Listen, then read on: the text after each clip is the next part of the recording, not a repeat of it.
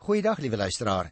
Vir jou wat gereeld na ons program luister en daarop inskakel, wil ek spesiaal dankie sê want dan sien jy nou weet ons is vandag by die laaste program uit die boek 1 Korintiërs. En liewe luisteraars, julle wat nou vir die eerste keer mag inskakel, aan julle ook 'n baie hartlike woord van welkom. En julle gaan luister na die afsluiting van 1 Korintiërs, want so die Here wil, gaan ek volgende keer by 'n Ou Testamentiese boek aan. Net so ter wille van die afwisseling gaan ek volgende keer Esra doen en daarna Nehemia want dit is twee kort boekies uit die Ou Testament en dan sal ek eers Paulus se tweede brief aan die Korintiërs behandel. Ons wissel mos gewoonlik so 'n bietjie af, sommer net om na die Ou Testament te luister en dan 'n slaggie uit die Nuwe Testament.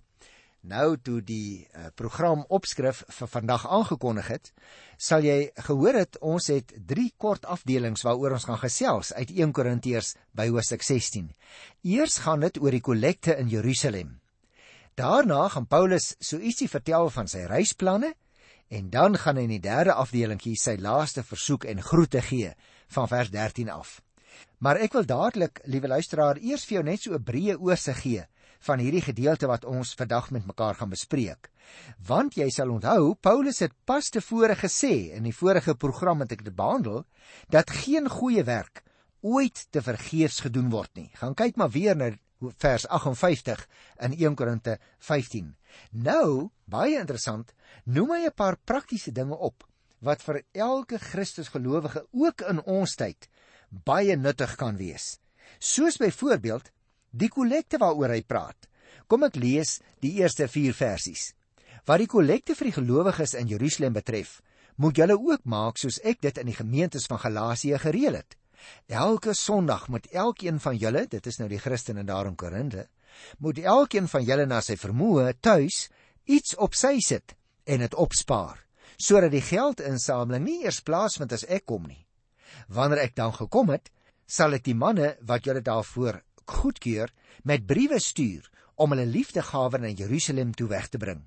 En as dit nodig is dat ek self ook gaan, kan hulle met my saamreis Nou hier kry ons 'n baie interessante verhaaltjie wil ek amper sê van iets 'n baie mooi ding eintlik wat gebeur het ook daar in die gemeente van Korinte. Want jy sien die Christene in Jerusalem ver daarvandaan het gebuk gegaan onder armoede en groot hongersnood daar in Palestina.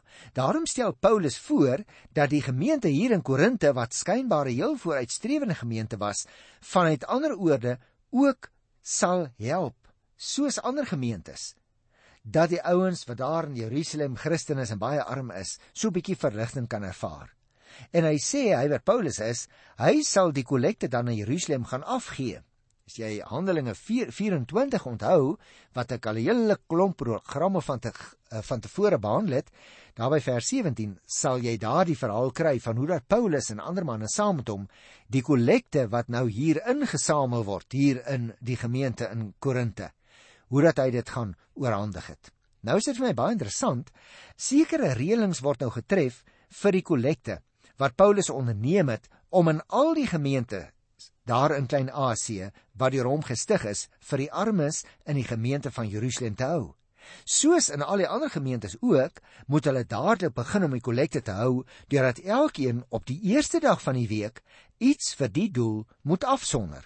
Paulus sal later self na die gemeente toe kom sê hy om reëlings te tref vir die oorbring van die liefdesgawes en hy sou graag saam met die mense wat dit gaan wegbring Jerusalem toe wou reis. Dis my baie interessant die insameling vir die heiliges, soos dit letterlik geskrywe staan in die Griekse taal hierso, is 'n verpligting wat Paulus onderneem het toe hy 'n ooreenkoms bereik het met die apostels in Jerusalem. Jy kan gerus daarvoor gaan kyk in Handelinge 15 en ook in uh, 1 Korintiërs hoofstuk 11 van die 27ste vers af. Nou aan hierdie belofte wat hy gemaak het, het hy getrou gebly. En al die gemeentes is nou opgeroep daar in die omgewing van Klein-Asië om by te dra vir die gelowiges in Jerusalem wat onderwerp was aan die vervolging en wat gewoon ook gebrek gelei het. En ek dink jy en ek kan ook sommer baie daaruit leer, liewe luisteraars. Jy weet ons is soms so klarig uh as daar bydraes gevra word vir arme mense. En dis heeltemal 'n Bybelse beginsel waaraan die apostel ook hier self persoonlik gehoor gee om te sê as daar ander Christene is wat swaar kry, dan moet ons vir hulle help. Ons moenie maar net kyk en hoor dat hulle swaar kry en ons verroer nie 'n vinger nie. Kan ek dit in gewone Afrikaans sê?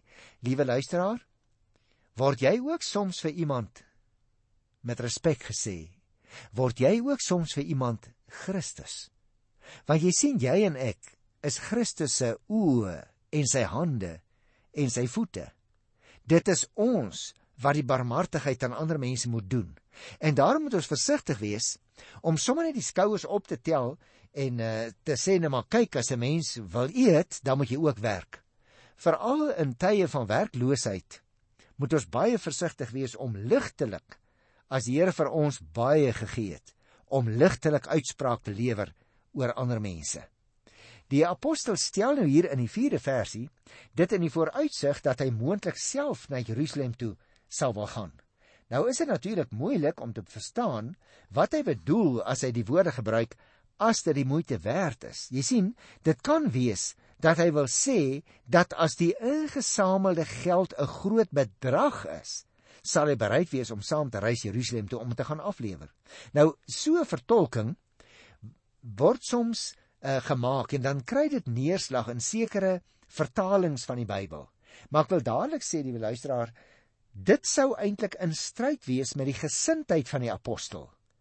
Daarom lyk dit vir my veel eerder dat hy bedoel dat indien omstandighede dit vereis en dit is ook soos wat dit deurkom na ons toe in hierdie 1983 vertaling wat jy en ek gebruik. Nou sê hy dan sal hy graag saam met die afgevaardigdes na Jerusalem toe wil reis. Nou goed, ek het gesê ons kry hier eintlik 3 afdelingkies of 3 prentjies. Die eerste het dan gehandel oor die kollekte vir die Christene in Jerusalem. Die tweede afdeling handel oor Paulus se reisplanne.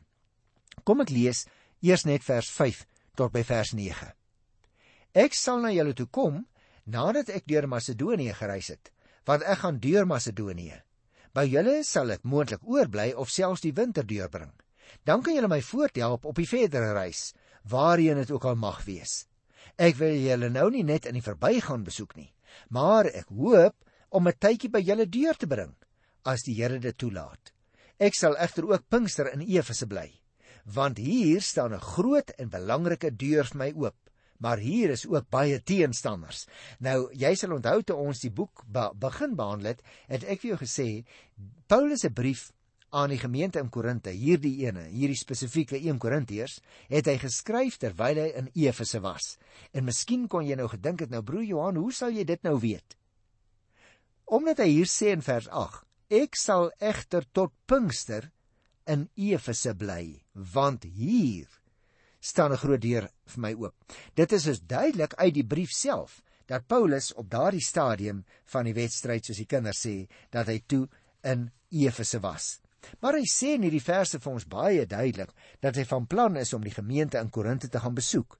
Dit sal egter nie voor Pinkster ge kan gebeur nie, vanweë nuwe geleenthede vir die verkondiging van die evangelie wat intussen tyd begin oopgaan het.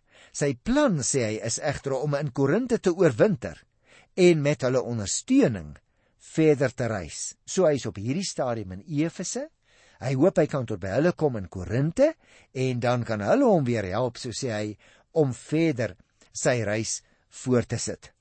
Nou, luisteraars, dis interessant dat die apostel hierdie spesifieke voornemens het nie waar nie.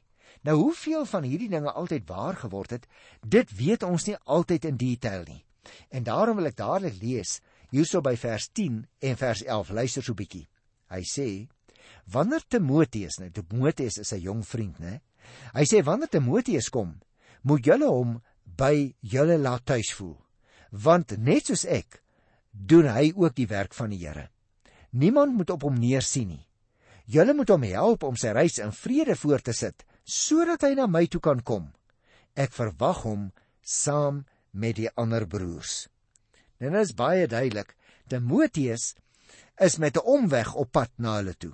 En deur middel van hierdie brief wat voor Timoteus die gemeente in Korinte sal bereik, vra Paulus hulle nou om Timoteus goed te ontvang omdat hy daar aankom.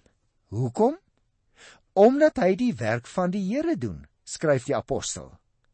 Hulle moet hom dan ook help met sy terugreis na Paulus waar hy hier op die oomblik in Efese is. Nou dit is 'n interessante stukkie wat hier bygevoeg word, maar ek wil nog 'n bietjie daaroor gesels want jy sien, Timoteus is op hierdie stadium reeds onderweg na Korinte. As jy behoorlik 4 sou kyk by vers 17 sal jy dit sien. Maar die brief sal voor hom in die gemeente daar aankom. Nou as jy sou gaan lees in Handelinge 19 van die 22ste vers af, dan sal jy die interessante feit raak sien dat Timoteus vergesel word deur 'n ander jong man met die naam van Erastus. En hulle reis deur die gebied van Macedonië na Korinte toe, terwyl die brief met die kortste roete per skip Korinte toe geneem sal word. Paulus is met ander woorde, dis my baie duidelik, besorg oor die ontvangs wat sy jong medewerker dalk daar in Korinte kan kry. Daar's onder die Korintiërs byvoorbeeld diegene wat nie geskroom het om selfs die apostel te weerstaan nie. En hulle sal nog redeliker dit vir die helper van die apostel baie moeilik wil maak as hy ook daar aankom, veral as hy jonk is, né? En daarom versoek Paulus nou dat hulle hom op so 'n manier sal ontvang dat hy wat Timoteus is, selfs al is hy nog jonk en skugter, dat hy nie afgeskrik sal word nie, dat hy nie geïntimideer sal word nie. Daar moet in gedagte gehou word, luisteraars, dat hy ook die werk van die Here doen. So skryf die apostel vir die ouens daar in Korinte, net soos Paulus self. Met ander woorde, ter wille van daardie werk wat tog die werk van die Here is, moet die dienaar van die Here met agting ontvang word wanneer hy by hulle daar aankom in die groot wêreldstad Korinte. Dis nogal hartseer hè as 'n mens by Hosea 9 lees, jy sal onthou ek het die 3de vers uh ook gelees toe ons dit behandel het. Toe ons daar ontdek het dat daar mense in Korinte was wat neergesien het op die apostel self. En nou is Paulus so bang dat dieselfde minagting en geringskatting ook vir Timoteus tot lot kan val. So iets mag nie gebeur nie. Dit is hoekom Paulus dit spesifiek hier in sy brief skrywe en voor die tyd vir hulle vra dat hulle tog vir die jong man baie vriendelik en baie gaaf sal ontvang. Nou goed, kom ons lees nou en liewe luisteraar, dit gaan my by Paulus se laaste versoeke bring en dit is die derde afdeling vir vandag. Die eerste was die kollekte in Jerusalem. Die tweede was Paulus het nog reisplanne gehad en hy waarsku hulle ook, hy versoek hulle eintlik om Timoteus te laat tuis voel by hulle en nou die laaste afdelingkie van 1 Korinte 16 naamlik die laaste versoek en groete. Nou kom ons lees van vers 13 tot 18 eers net. Wees waaksaam, staan vas in die geloof, wees manmoedig, wees sterk. Laat alles by julle in liefde geskied. Ek het nog 'n versoek aan julle broers. Julle weet van Stefanus se huisgesin wat die eerste bekeerlinge in Agaia was dat hulle hulle tot diens van die gelowiges gestel het. Stel julle onder die leiding van sulke mense en van elkeen wat saam met hulle werk en arbei. Ek verbly my oor die aankoms van Stefanas Fortunatus en Achaicus want hulle het vir my die gemis aan julle vergoed. Hulle het my gees verkwik en ook julle sin.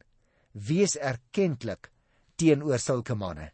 Nou is dit nou nie die getuienis van 'n mooi positiewe persoonlikheid as ons so na Paulus luister nie, liewe luisteraar.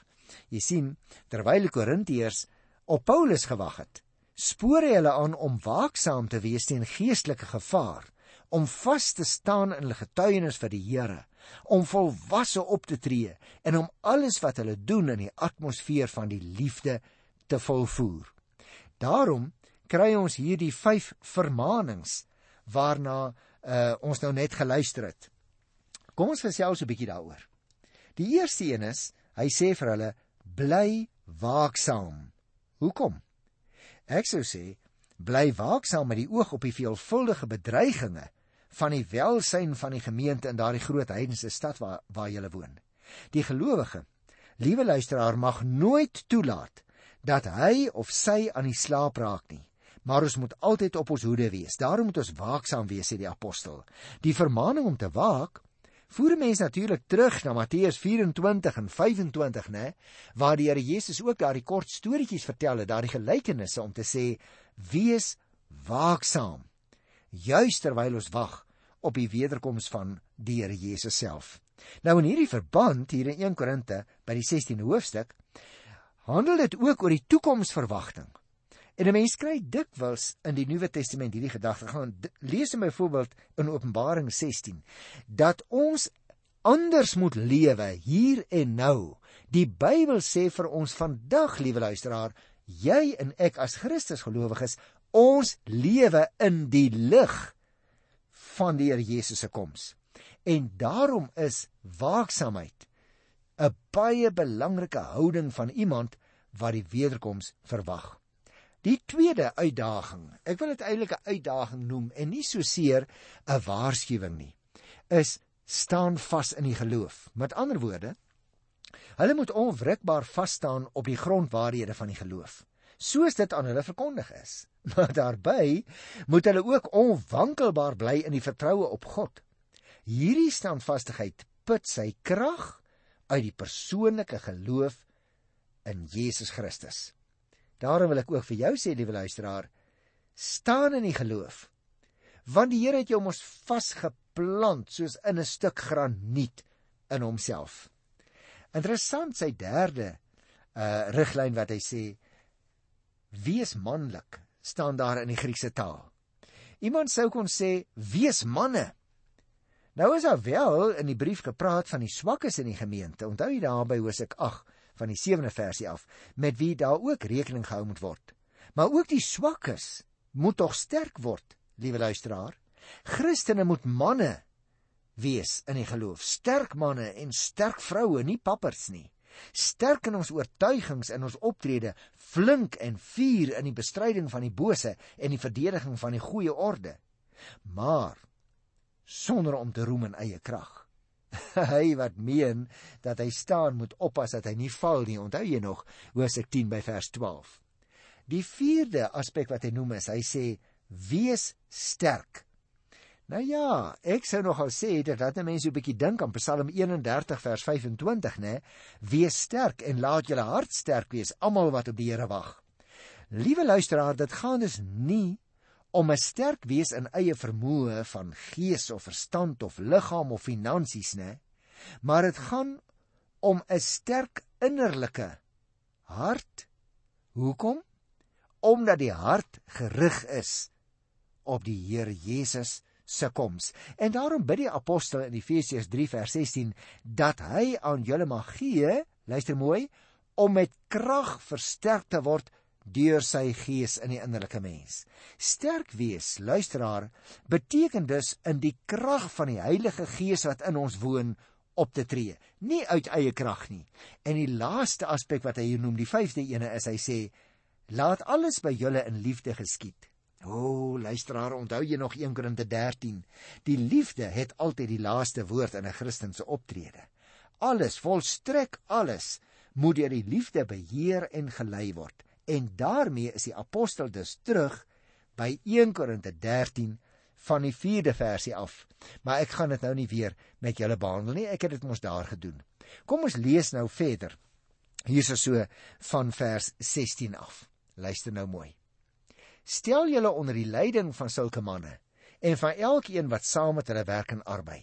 Ek verbly my oor die aankoms van Stefanas, Fortunas en Achaicus, want hulle het vir my die gemis aan julle vergoed.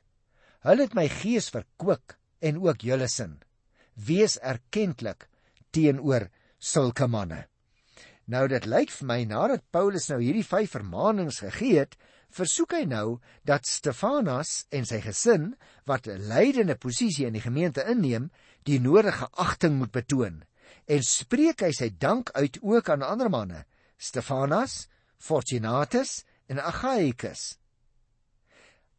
Dit is dus in 'n sekere sin ook 'n brief wat hy skrywe om die deur vir daardie mense oop te maak. En die gebaar van die kant van die gemeente beteken baie vir Paulus as hy nou hoor dat hierdie mense tog wel gasvrye is, hoewel hulle soms so op die randjie beweeg van dwaallering waarin hulle soms lyk of hulle wil opgaan. Kom ons lees vers 19 en 20. Die gemeentes, nou let op luisteraar, daarom beklemtoon ek die S. Paulus praat hier in die meervoud. Hy sê: "Maar die gemeentes van die provinsie Asie stuur vir julle groete. Van Aquila en Priscilla en ook die gemeente wat gereeld in julle huis bymekaar kom. Baie groete in die Here. Al die broers stuur vir julle groete. Groet mekaar met 'n soen van Christelike broederskap." Nou ja, jy onthou hierdie Aquila en Priscilla nie waar nie? Hulle was tentmakers, leerwerkers, né, met wie Paulus in Korinte kennis gemaak het. Ons het hulle ook teëgekom in Handelinge 18, daar in die eerste 3 versies, onthou jy nog? En hierdie mense het vir Paulus gevolg toe hy daar na Efese toe vertrek het. En hulle het ook daar saam met hom gewoon en gewerk en daar het hulle hom gehelp om die mense daar van die Here Jesus te vertel. Gaan kyk maar weer in Romeine 16 van vers 3 af as jy dit daar ook onthou. Baie van die lidmate in Korinte, liewe luisteraar, het dus ook vir Aquila en Priscilla geken. Ons lees byvoorbeeld ook in Handelinge 18, Romeine 16 en 2 Timoteus 4 van hierdie wonderlike erfpaar wat die Here Jesus in soveel oorgawe gedien het elke dag van hulle lewe. En dan word mense bietjie skaam, né, as jy na jou eie lewe kyk, waar ons nie altyd duidelik die merkteken van ons diens aan die Here Jesus Christus elke dag aan mense deurgee nie. Hierdie groete van die gemeentes in Asië, dit wil sê, dit is die gemeentes van Efese, Kolosse, Laodicea en Hierapolis. En die groete word oorgedra en in besonder die van Aquila en Priscilla wat voordat hulle in Efese aangekom het om daar te gaan woon, ook 'n tyd lank in Korinte gewoon het. Dit is dus vir ons baie duidelik dat hulle nou daar saam met Paulus in Efese op is op hierdie stadium en hy sê julle ontvang ook namens hulle groete. Vers 21. Kom ons lees dit eers met mekaar saam en dan praat ons so 'n bietjie daaroor. Nou skryf ek met my eie hand. Groete Paulus. En ek wil hierby so klein bietjie stil staan want jy sien, Paulus het waarskynlik 'n sekretaris gehad. En dis die sekretaris wat hierdie brief geskryf het. Paulus het slegs die brief gedikteer. Onthou daar was nie diktafone nie. So hy het gepraat, hy dikteer en sy sekretaris skryf dit neer. Hy het egter die afskeidswoorde in sy eie handskrif bygeskryf. Dit herinner natuurlik aan die gebruik om 'n naskrif onder 'n getikte brief te skryf. Het jy dit ook al gedoen? As 'n mens oud is, jy kan miskien so goed lees nie of jy skryf te bewerig, vra jy soms een van jou kinders of selfs 'n kleinkind om 'n brief vir jou te skrywe aan iemand anders, maar dan as jy dit onderteken, skryf jy daar in jou eie hand, soos die apostel dit hier uitdruk. Dit was natuurlik ook terselfdertyd die bewys dat hierdie brief waarskynlik van die apostel af was en dat dit nie 'n vervalsing was nie. Hy het dit dikwels gedoen. Gaan kyk maar in Galasiërs 6 by vers 11 en ook in Kolossense 4 vers 18, dan kry jy dit daar ook waar hy sê ek sluit die brief af in my eie hand of in my eie handskrif. Nou liewe luisteraar, dit bring ons by vers 22 en 23. Hy sê as iemand die Here nie liefhet nie, vervloek is hy. Maranatha. Here. Nou dis baie interessant dat hy so afsluit, want hy rig 'n laaste vermaaning wat eintlik die essensie van sy hele brief saamvat die liefde tot die Here moet hulle lewe beheers. Anders ja anders bedrieg hulle hulle self. Die gemeente moet ook onthou dat die Here weer sal kom. En daarvoor bid die apostel dan ook. In sy laaste twee versies sê hy vers 23 en 24 die genade van die Here Jesus sal by julle wees. My liefde is by julle almal in Christus Jesus Nou let op hoe seker is dit wat die apostel hier sê. Dis duidelik helder gestel. Die genade van die Here Jesus sal by julle wees. Die apostel twyfel dus nie daaraan nie.